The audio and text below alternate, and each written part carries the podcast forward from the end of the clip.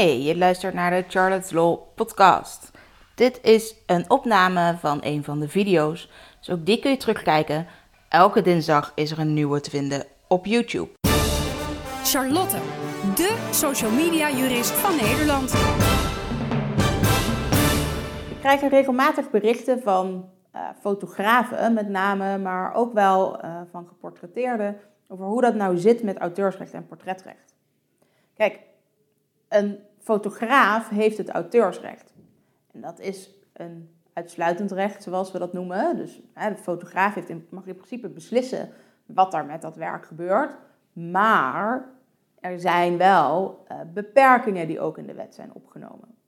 Nou, een van die beperkingen is bijvoorbeeld het portretrecht. Het hoeft niet letterlijk een beperking te zijn van het auteursrecht, maar het is wel iets waar je rekening mee moet houden. En hetzelfde geldt eigenlijk voor die geportretteerde. Die kan wel zeggen, ik sta op de foto, dus die foto is van mij.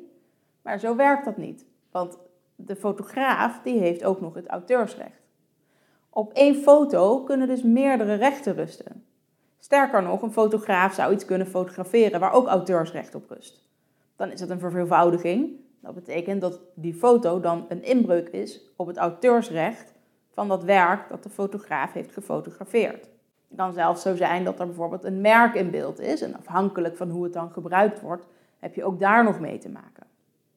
Dus je kunt eigenlijk nooit zeggen van ja, maar ik heb een recht, dus daarmee, nou ja, zou al het andere vervallen. Je moet altijd rekening houden met alle andere rechten die nog ergens op kunnen rusten. Nou, dus maak je als fotograaf een portret, dan moet je je eerst bijvoorbeeld al afvragen: is het een portret dat in opdracht is gemaakt van de geportretteerde of niet?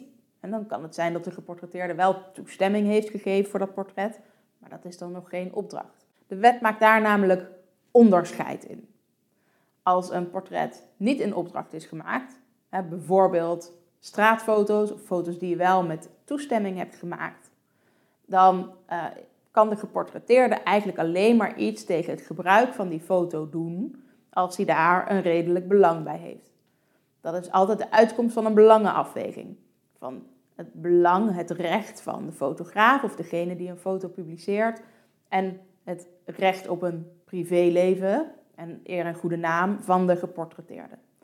Daar leg ik in een andere video nog wel eens een keer meer over uit. Is een portret nou in opdracht gemaakt van of ten behoeve van de geportretteerde? Dan ligt het allemaal wat genuanceerder. Dan mag je zelfs als fotograaf zo'n foto helemaal niet zomaar gebruiken.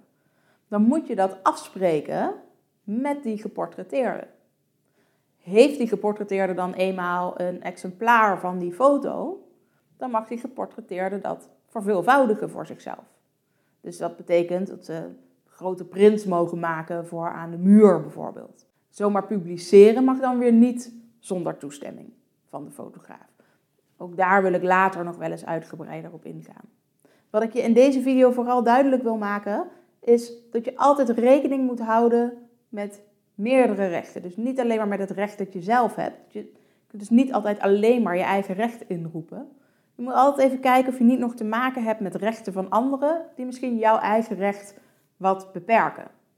Het is heel belangrijk om dat vooraf goed uit te zoeken, omdat je anders boze brieven gaat schrijven die eigenlijk nergens op slaan. En dat is zonde, want dat is heel frustrerend voor jezelf. En je bent er heel erg veel tijd aan kwijt. En soms ben je er zelfs geld aan kwijt. Dus waarom zou je dat doen als dat niet hoeft?